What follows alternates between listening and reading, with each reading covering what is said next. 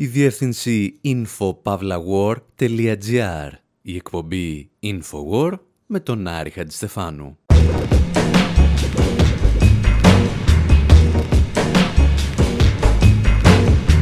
Όπου σήμερα, αφού μάθαμε ότι ο Μπομπ Dylan πήρε το Νόμπελ Λογοτεχνίας, είπαμε να θυμηθούμε 5-10 πολιτικές ιστορίες που συλλέξαμε γι' αυτόν τα τελευταία 10 χρόνια.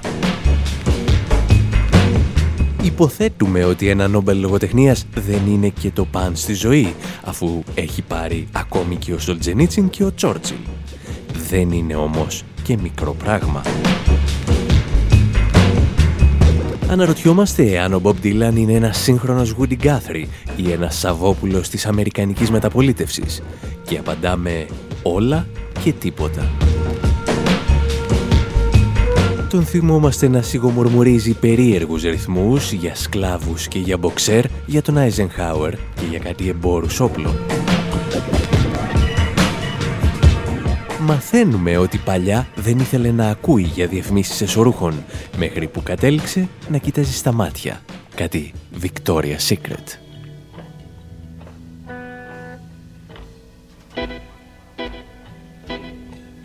I'm walking through streets that are dead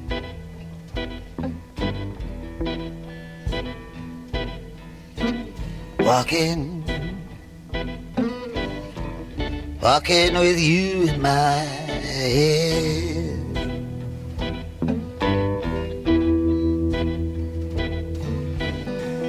My feet are so tired, my brain is so wired.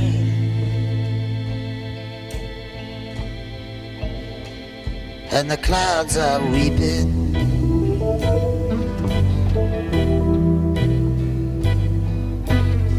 did I hear someone tell a lie?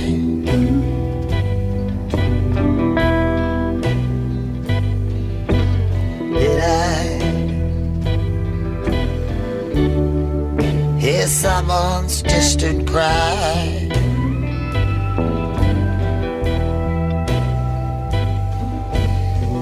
I spoke like a child.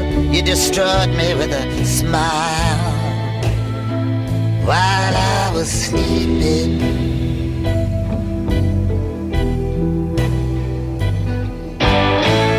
I'm sick of love. That I'm in the thick of it.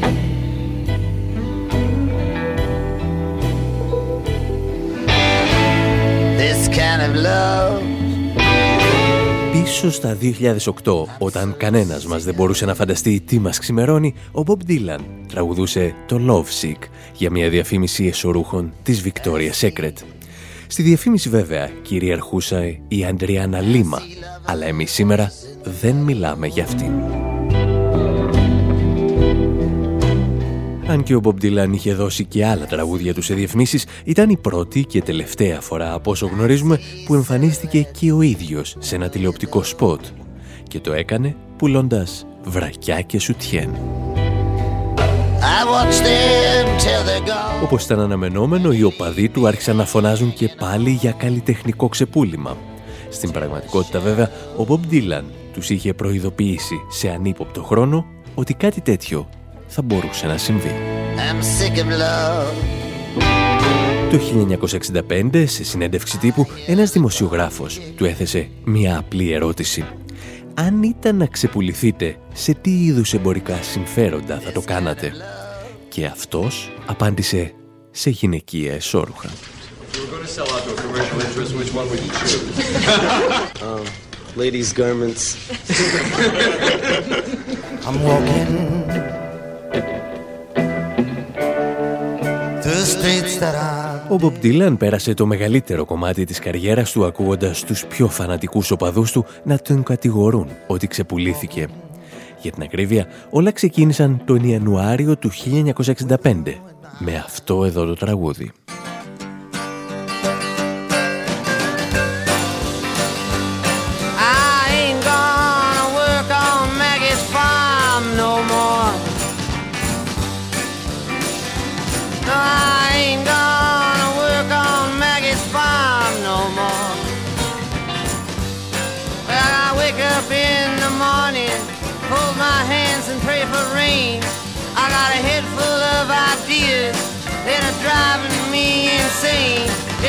It's a shame the way she makes me scrub the floor.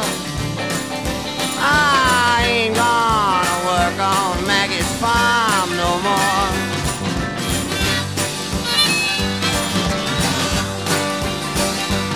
I ain't gonna work for Maggie's brother no more.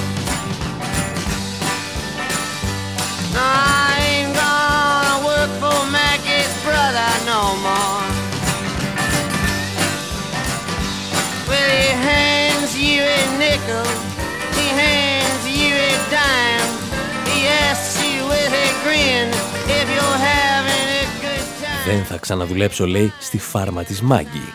Ξυπνάω κάθε πρωί γεμάτο ζωντάνια και αυτοί με βάζουν να τρίβω το πάτωμα. Ο Bob Dylan παίρνει ένα παλιό ρυθμό των blues και τον φέρνει στην ηλεκτρονική εποχή θέλει πιθανότατα να ξορκίσει τις σχέσεις του με το παρελθόν της αμερικανικής folk σκηνής. Για την ακρίβεια λέγεται ότι τα βάζει με την πολιτική folk σκηνή. Κάποιοι θα τον κατηγορήσουν ότι χάνει το πολιτικό του στίγμα. Άλλοι θα υποστηρίξουν ότι το τραγούδι είναι βαθύτατα πολιτικό και επικρίνει τον σύγχρονο καπιταλισμό. Αυτή την άποψη πρέπει να είχαν πάντως και οι Specials, οι οποίοι θα το διασκευάσουν δύο δεκαετίες αργότερα για να το τραγουδήσουν στη δική τους μάγκη, την Μάργαρετ Θάτσερ.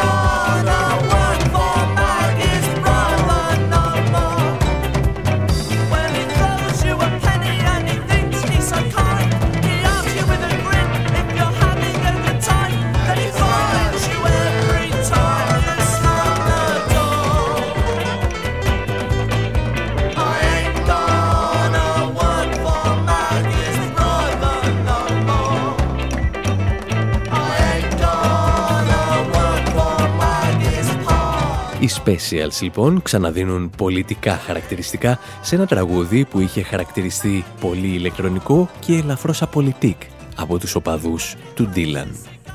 Και για να έχετε μια εικόνα του τι ακριβώς περίμεναν να ακούσουν από αυτόν, σας έχουμε τη σφαγή του 1913. I'll take it to a place called Italian Hall Where the are having their big Christmas ball.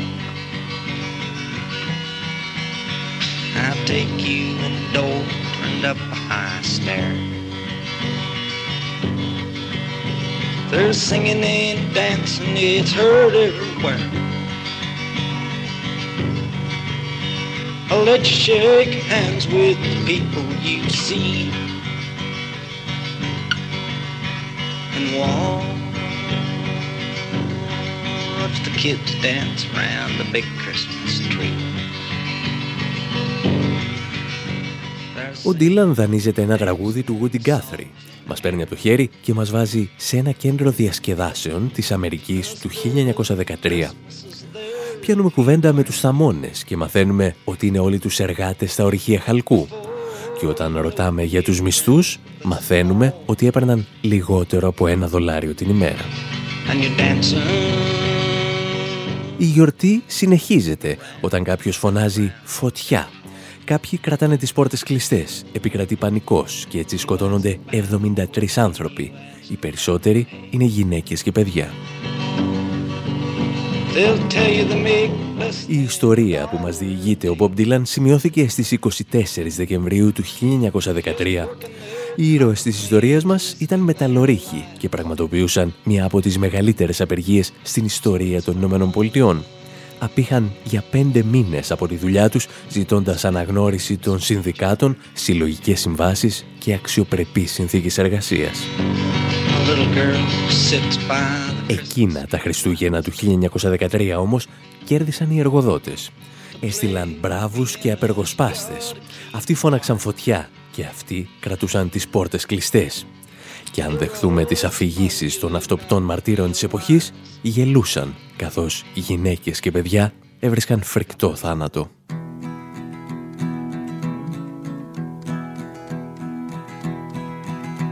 Oh, where have you been, my blue-eyed son? And where have you been, my darling young one? I've stumbled on the side of twelve misty mountains. I've walked and I crawled on six crooked highways. I've stepped in the middle of seven side forests. I've been out in front of a dozen dead oceans. I've been 10,000 miles in the mouth of a graveyard. And it's a hard, it's a hard, it's a hard, it's a hard, it's a hard rain. Ο Bob Dylan, για τον οποίο μιλάμε σε τούτη εδώ την εκπομπή, επιχειρούσε πάντα να συνδέει τα τραγούδια του με τις πολιτικές εξελίξεις. Ακόμη και αν μερικές φορές, για να το πετύχει, αναγκαζόταν να λέει μερικές ψευτιές. Όπως τότε, στην κρίση των πυράβλων στην Κούβα, που έφερε την ανθρωπότητα στο χείλος του πυρηνικού ολοκαυτώματος. Μια κρίση που ξέσπασε με αυτήν εδώ την ανακοίνωση του John Fitzgerald Kennedy.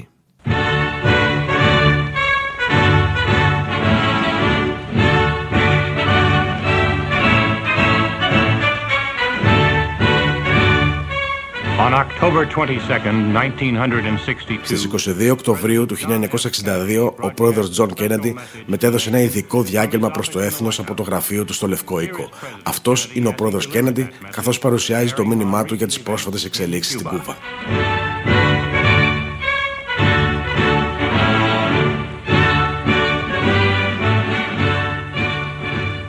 Good evening, my fellow citizens. This government Καλησπέρα αγαπητοί συμπολίτες μου. Αυτή η κυβέρνηση, όπως είχαμε υποσχεθεί, παρακολουθεί στενά τη συγκέντρωση του ηγετικού οπλισμού στην Κούβα. Την τελευταία εβδομάδα, αδιάψευτα στοιχεία μας οδήγησαν στο συμπέρασμα ότι προετοιμάζεται μια σειρά επιθετικών βαλιστικών συστημάτων σε αυτό το αποκλεισμένο νησί. Μοναδικός στόχος αυτών των προετοιμασιών είναι να προσφέρουν τη δυνατότητα πυρηνικού χτυπήματος εναντίον του δυτικού ημισφαιρίου. against the Western Hemisphere. Ο Κένεντι, όπως συνήθιζε σε όλη του τη ζωή, έλεγε τη μισή αλήθεια. Η Σοβιετική Ένωση είχε πράγματι ξεκινήσει την εγκατάσταση πυράβλων που μπορούσαν να πλήξουν με πυρηνικές κεφαλές στη Νέα Υόρκη και την Ουάσιγκτον. Το έκανε όμως γιατί οι Ηνωμένες Πολιτείες είχαν προλάβει να τοποθετήσουν πυρηνικά όπλα στην Τουρκία αλλά και την Ιταλία όπλα με τα οποία θα μπορούσαν να πετύχουν το πρώτο πλήγμα εναντίον της Σοβιετικής Ένωσης. Ο Κένεντι βέβαια δεν ήταν ο μόνος που έλεγε μισές αλήθειες εκείνο τον Οκτώβρη του 1962. Λίγες εβδομάδες μετά την κρίση των πυράβλων, ο Bob Dylan υποστήριξε ότι εμπνεύστηκε από αυτήν το τραγούδι «A Hard Rain's Gonna Fall» Ένα τραγούδι που έμεινε στην ιστορία σαν ο απόλυτος ύμνος του αντιπολεμικού κινήματος για τον κίνδυνο ενός πυρηνικού ολοκαυτώματος. Η ιστορία δεν συγκράτησε βέβαια ότι ο Μπομπ Ντίλαν ήταν ελαφρώς ψευτρώνη και είχε πρώτο παρουσιάσει το τραγούδι ένα μήνα πριν από την κρίση των πυράβλων. Come masters of war Here that build the big guns. Here that build the death planes. Here that build all the bombs. Here that hide behind walls. Here that hide behind discs. I just don't want you to know I can see through your masks. You that never done nothing but build to destroy. You play with my world like it's your little toy. You put a gun in my hand and you hide from my eyes.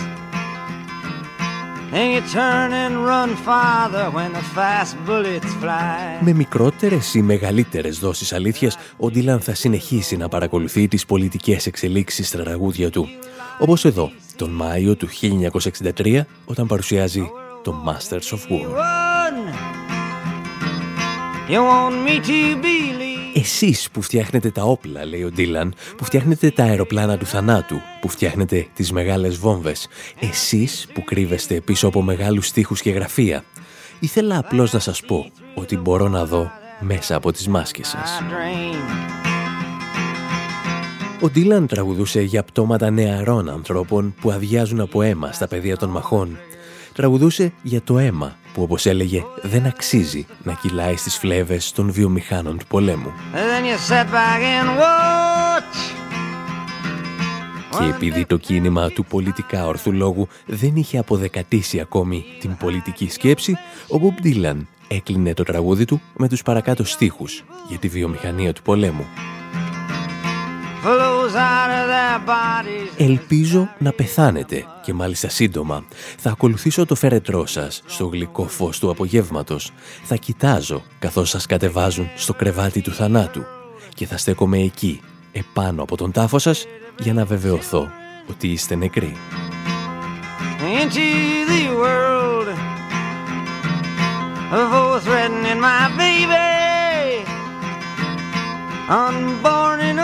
Γράφοντας τους στίχους για το Masters of War, ο Bob Dylan είχε στο μυαλό του έναν και μόνο άνθρωπο. Τον Αμερικανό πρόεδρο Eisenhower και την αποχαιρετιστήρια ομιλία που έδωσε στις 17 Ιανουαρίου του 1961. In the councils of government, we must guard against Μέσω της κυβέρνησης πρέπει να εξασφαλίσουμε ότι το στρατιωτικό βιομηχανικό σύμπλεγμα δεν θα αποκτήσει ανεξέλεκτη επιρροή. Ο κίνδυνος από την καταστροφική μετατόπιση της ισχύω σε άλλα κέντρα εξουσίας είναι υπαρκτός και θα παραμείνει. Δεν πρέπει σε καμία περίπτωση να επιτρέψουμε σε αυτό το συνδυασμό να απειλήσει την ελευθερία μας ή τις δημοκρατικές διαδικασίες.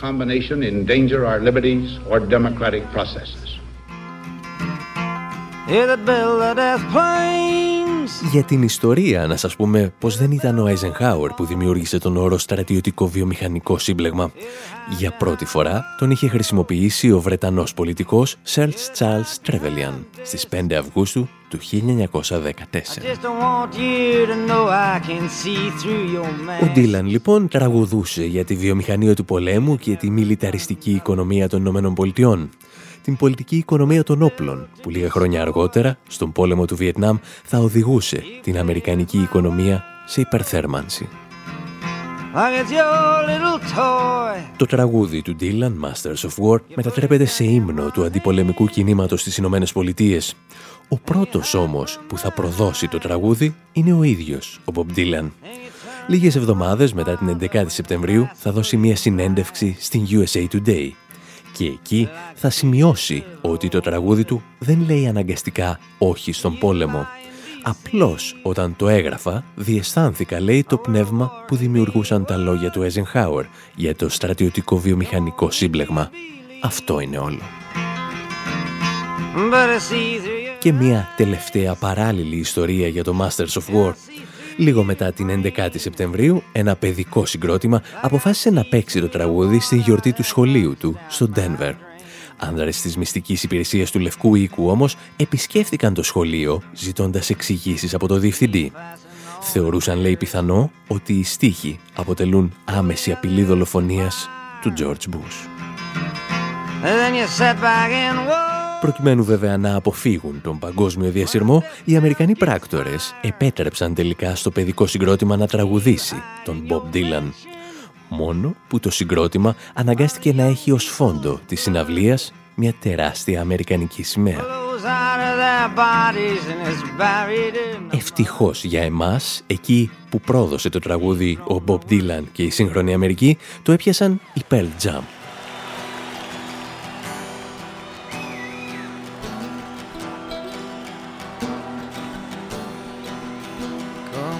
Masters of war.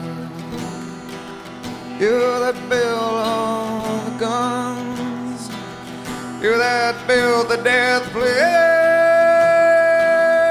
you that build all the guns, you that hide behind walls,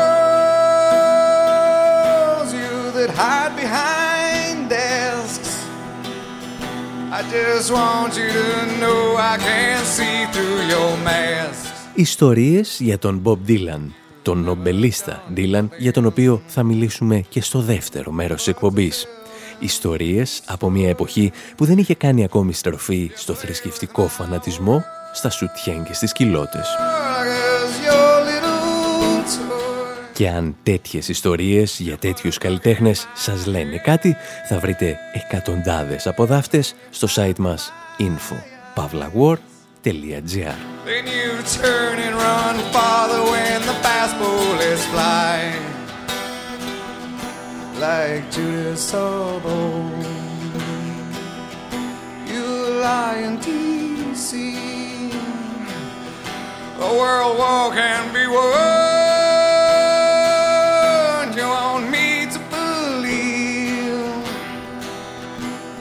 I see through your eyes, and I see through your brain, like I see through the water that runs down my drain. You that fasten all the triggers, for the others to fire, then you sit back and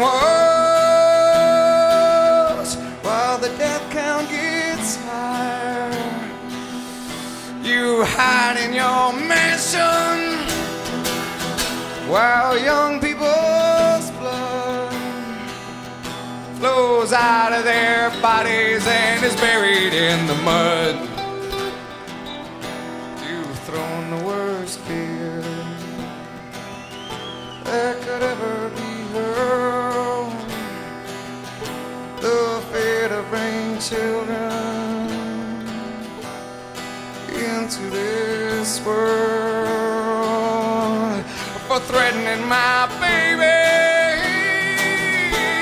I'm born in a name. You ain't worth the blood that runs in your veins.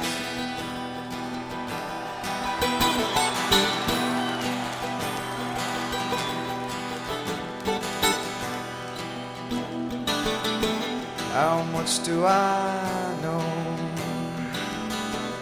to talk out of turn? You might say that I'm young,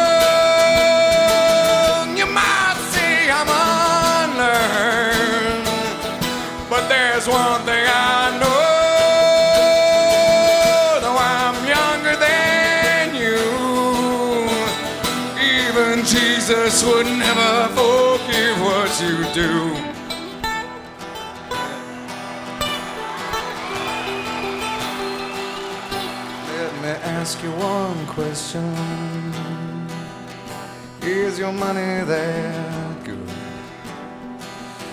Will it buy you forgiveness? Do you think that it could? Oh, I think it will find when your death takes its toll. All the money you made will never buy back your soul.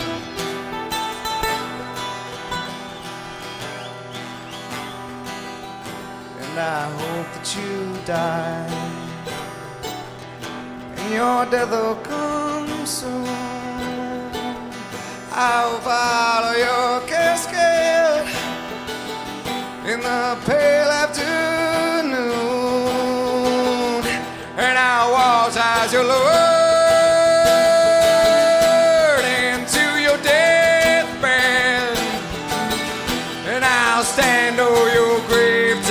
Till I'm sure that you're dead.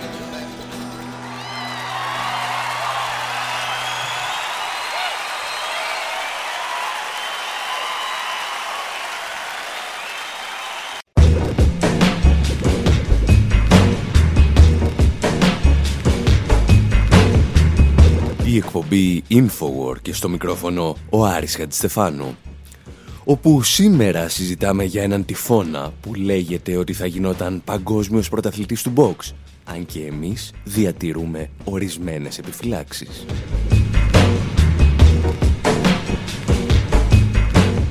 Αφήνουμε τον Bob Dylan να συνομιλεί με τους YouTube πίσω από τα κάγκελα μιας φυλακής ενώ καλούμε στο στούντιο το Μάνο Χατζηδάκη και συζητάμε για τον χαμένο χρόνο, τον Ιρλανδικό Δημοκρατικό Στρατό και κάτι αμερικανικά γκέτο.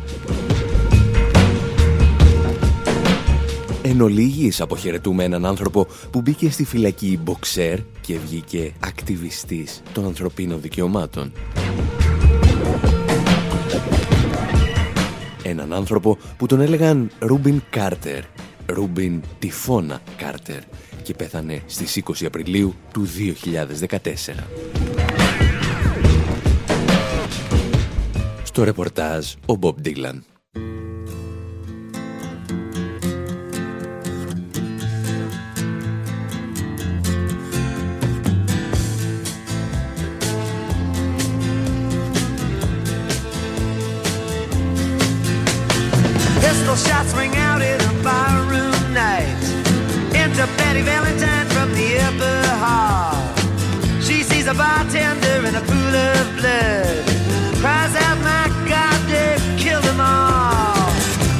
The story of the hurricane. The man the authorities came to blame for something that he never done. Put in a prison cell, but one time he could have been the champion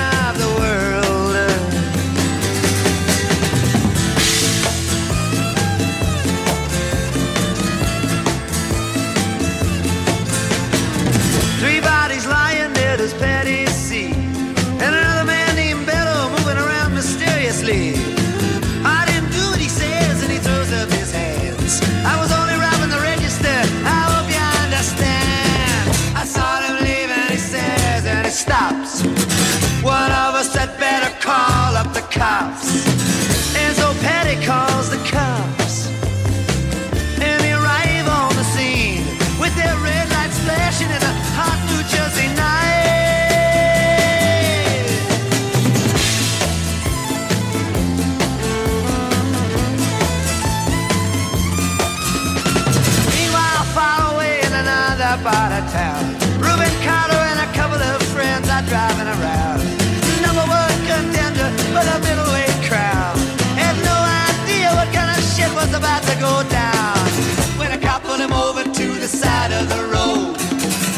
Like the time before and the time before that. In Patterson, that's just the way things go. If you're black, you might as well not show up on the street unless you wanna draw the heat.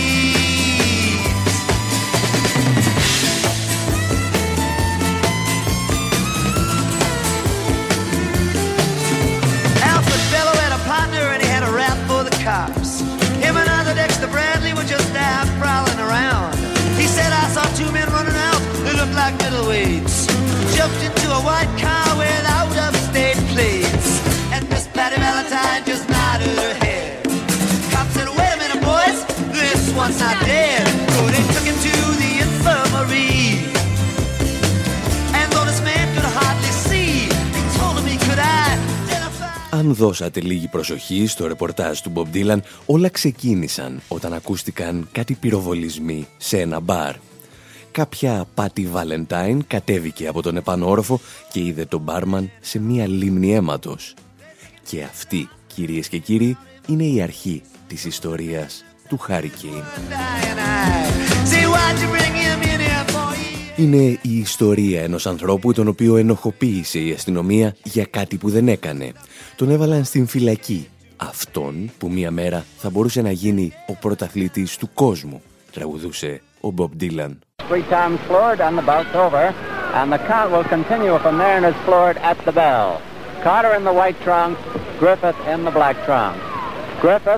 Ο Hurricane στην ιστορία που μας διηγείται ο Ντίλαν είναι ο μαύρος μποξέρ Ρούμπιν Κάρτερ, τον οποίο εδώ ακούμε μέσα από την αναμετάδοση ενός αγώνα μποξ του 1964. Εμείς βέβαια που παρακολουθούμε αγώνες box από τις αρχές της δεκαετίας του 60 μπορούμε να σας πούμε με σχετική βεβαιότητα ότι ο Κάρτερ δεν θα γινόταν παγκόσμιος πρωταθλητής ποτέ, όπως υποστηρίζει ο Μπομπ Ντίλαν. Για αυτόν τον λόγο μάλιστα θα τιμωρήσουμε τον Ντίλαν ακούγοντας τη διασκευή που έγραψε στο τραγούδι του η Άννη Ντιφράνκο.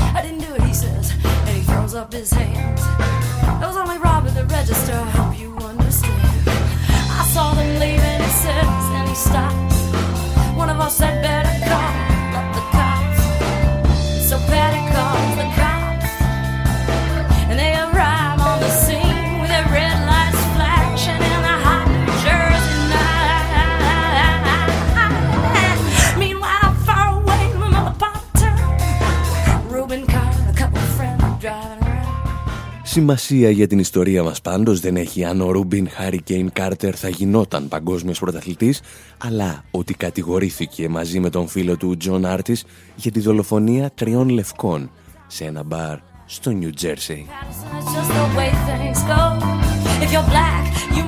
Το τι ακριβώς συνέβη εκείνη τη νύχτα ίσως δεν θα γίνει ποτέ γνωστό.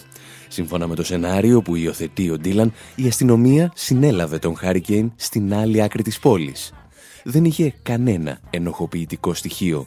Απλώς αναζητούσε ένα αυτοκίνητο με δύο μαύρους και το βρήκε. Η δίκη που ακολουθεί χαρακτηρίζεται από αρκετούς σαν παροδία. Οι μάρτυρες αντιφάσκουν μπροστά σε ένα σώμα λευκών ενόρκων, το οποίο τελικά καταδικάζει τον Χάρικέιν τέσσερις φορές ισόβια.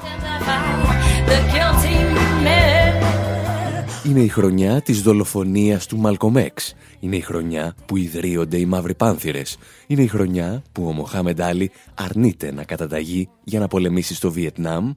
Και είναι η χρονιά που όλα για τους μαύρους γίνονται συνειδητά. Let's go. The sun rises in the east of Kentucky fried streets. Catch the shuffle as the beats match the beats. Get used to me, flow like a fantasy, stung in reality, molded from playing the alley. Whether the whole world's a stage, a ring, or an alley. Stood up for the hood, up a power to the rally. Stand up for rights, uh, left to Congress. Right here's to the man who never left. Muhammad Ali don't take no mess. Left inspiration to the whole rest of the nation. And the rest of the world, shook up the world. All the men, women, boys, and the girls. Allow Akbar is the rule cause God is good and God is cool. That's all that is, just don't get it confused. Get used to me. So what's my name, fool? Oh my goodness, it's Muhammad. Σε αυτές τις συνθήκες το αντιπολεμικό κίνημα και ο μαύρος πληθυσμός της Αμερικής έχουν κάθε λόγο να πιστεύουν ότι πρόκειται για μία ακόμη στημένη δίκη των λευκών με ρατσιστικά χαρακτηριστικά. Ο Μπομπ Ντίλαν εξοργίζεται από αυτή την ιστορία. Επισκέπτεται τον Χάρι Κέιν στη φυλακή και αποφασίζει να γράψει ένα τραγούδι για αυτόν. όπως είχε κάνει παλαιότερα και για ένα ακόμη θύμα ρατσισμού. Williams and Zinger killed poor Hattie Carroll With a cane that he twirled around his diamond ring finger At a Baltimore hotel society gathering And the cops was called in And his weapon took from him As they rode him in custody Down to the station And booked Williams and Zinger For first degree murder Ο Ντίλαν, όπως ακούτε, πέρναγε μια περίοδο της ζωής του που προτιμούσε να μιλά παρά να τραγουδά. Όπως εδώ, στο μοναχικό θάνατο της Χάτι Κάρολ.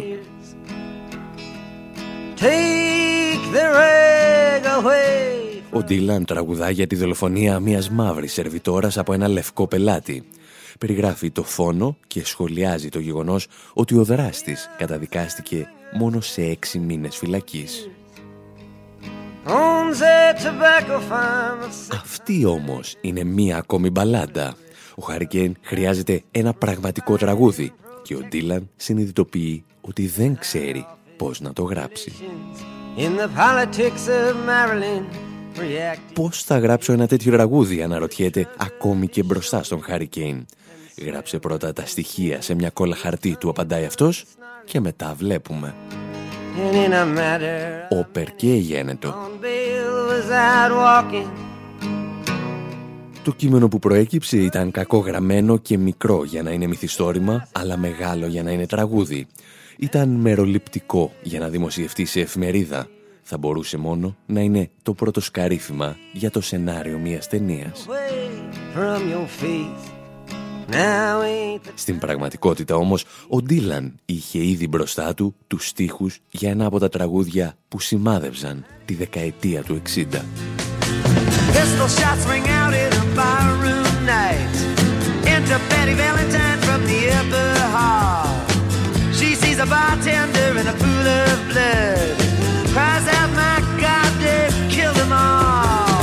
Here comes the story of the hurricane για την ιστορία, ο Μπομπ Dylan θα αντιμετωπίσει τελικά δημοσιογραφικού τύπου προβλήματα γράφοντας το Hurricane. Η δισκογραφική του εταιρεία παρεμβαίνει καθώς θεωρεί ότι ορισμένα από τα ονόματα που αναφέρονται στο τραγούδι και τα οποία καταγγέλλονται σαν ψευδομάρτυρες θα κατέθεταν μηνύσεις εναντίον του τραγουδιστή.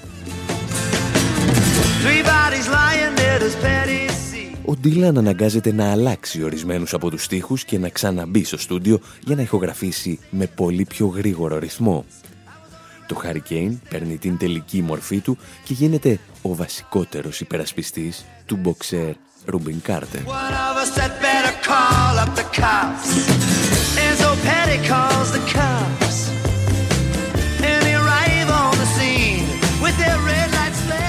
Το 1985 ο Χάρικέιν δηλώνει για χιλιοστή φορά αθώος και αθώωνεται πραγματικά.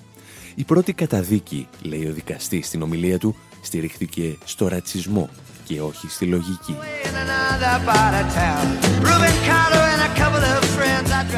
Μόνο που ο Κάρτερ είχε ήδη χάσει τα 20 καλύτερα χρόνια της ζωής του.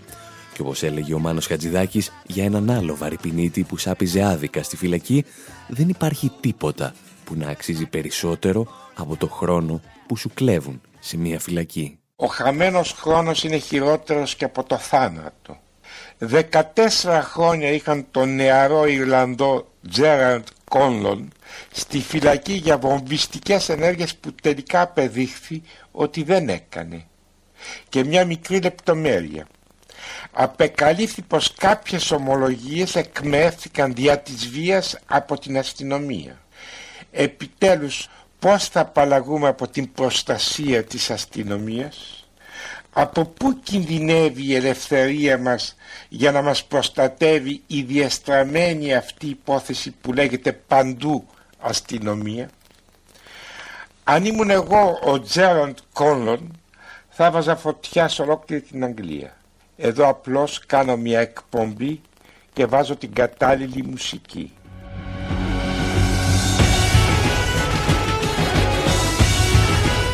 Και ο Μάνος Χατζηδάκης μπορεί να μην έβαζε YouTube στην εκπομπή του, αλλά εμείς τους θυμηθήκαμε.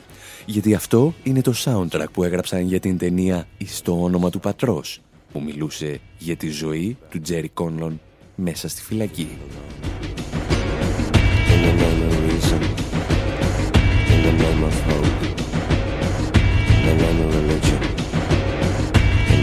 εκπομπή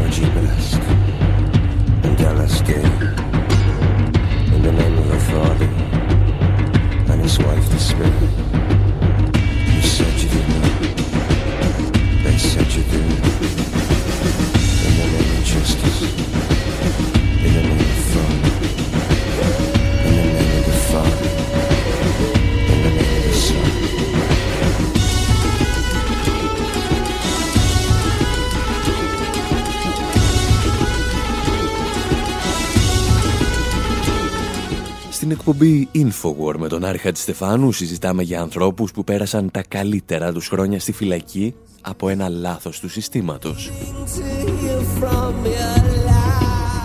Μόνο όπου στην περίπτωση του Hurricane το τι θέλει το σύστημα και τι είναι λάθος είναι έννοιες ελαφρώς σχετικές.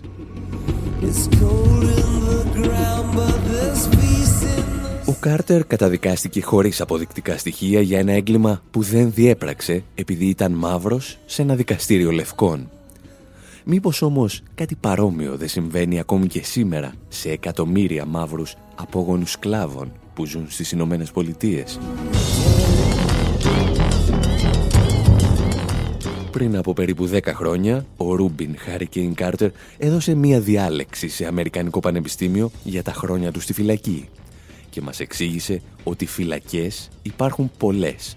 Για τους φτωχούς όμως είναι πάντα μία. There are prisons and there are prisons.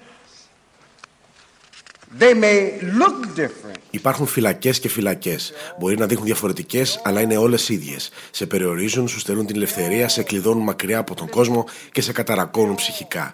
Υπάρχουν φυλακές φτιαγμένες από τούβλα και ατσάλι, αλλά υπάρχουν και μεταφορικές φυλακές με αόρατους τείχους. Είναι οι φυλακές της φτώχειας, του αναλφαβητισμού και του ρατσισμού. Και όλο και συχνότερα οι άνθρωποι που καταδικάζονται σε αυτές τις φυλακές κάνουν διπλή θητεία γιατί στο τέλος καταλήγουν και στις αληθινές φυλακές.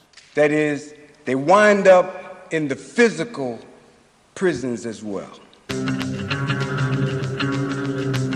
Βγαίνοντας από τη φυλακή, ο Ρούμπιν Χάρικεν Κάρτερ θα αφιερώσει το υπόλοιπο της ζωής του στην υπεράσπιση ανθρώπων που καταδικάστηκαν άδικα σε μακροχρόνιες ποινές κάθερξης.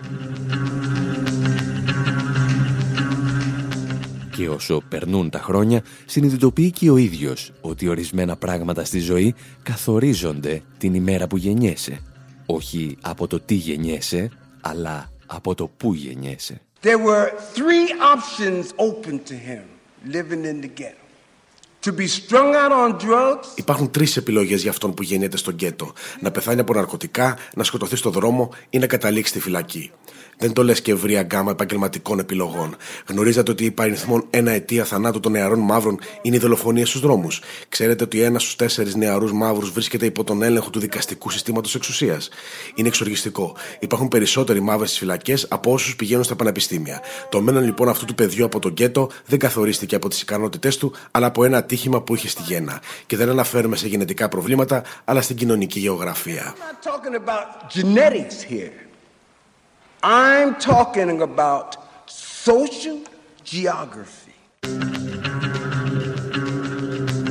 Το αν τελικά ο Κάρτερ ευθύνεται για τους φόνους για τους οποίους πέρασε τα 20 καλύτερα χρόνια της ζωής τους στη φυλακή, ίσως τελικά να μην έχει και τόσο μεγάλη σημασία. Οι πιθανότητες του να καταλήξει στη φυλακή θα ήταν πάντα οι ίδιες, δηλαδή περίπου μία στις τέσσερις. Κάπου εδώ όμως εμείς θα σας αφήσουμε και για αυτή την εβδομάδα. Αν σας λείψουμε στο μεσοδιάστημα, μπορείτε πάντα να μας βρίσκετε στη διεύθυνση info.pavlawar.gr Μπορείτε εκεί να χαζεύετε τα ντοκιμαντέρ μας, να ακούτε παλιότερες εκπομπές και να διαβάζετε πράγματα που γράφουμε δεξιά και κυρίως αριστερά.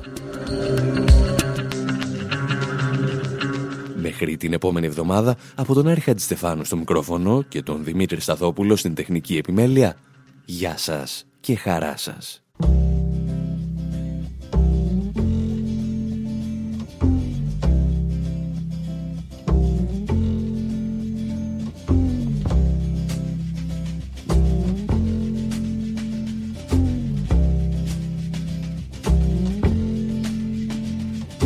Holly came from Miami, FLA. Hitchhiked her way across USA. Plucked her eyebrows on the way, shaved her legs, and then he was a she. She says, Hey, babe, take a walk on the wild side. Said, Hey, honey, take a walk on the wild side.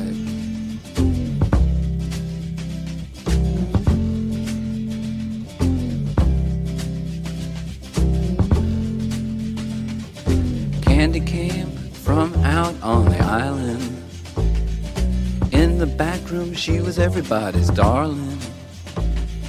But she never lost her head, even when she was given head. She says, Hey, babe, take a walk on the wild side. Said, Hey, babe, take a walk on the wild side. And the colored girls go do do do do do do do do do do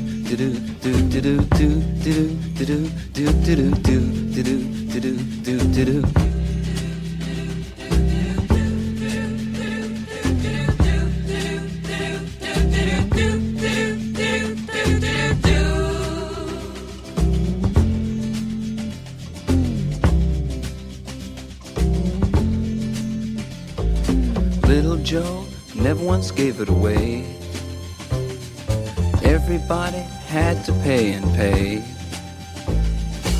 hustle here and a hustle there. New York City is the place where they said, Hey, babe, take a walk on the wild side. I said, Hey, Joe, take a walk on the wild side.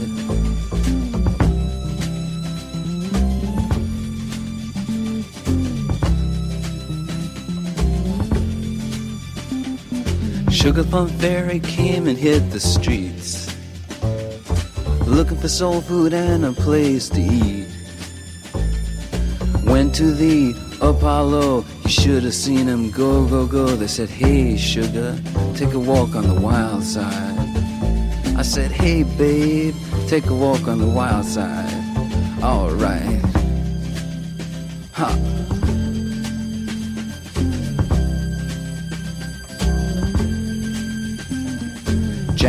Is just speeding away. Thought she was James Dean for a day. Then I guess she had to crash. Valium would have helped that. I said, Hey, babe, take a walk on the wild side. I said, Hey, honey, take a walk on the wild side. And the colored girls say, Do, do, do, do, do, do, do, do, do, do, do, do, do, do, do, do, do.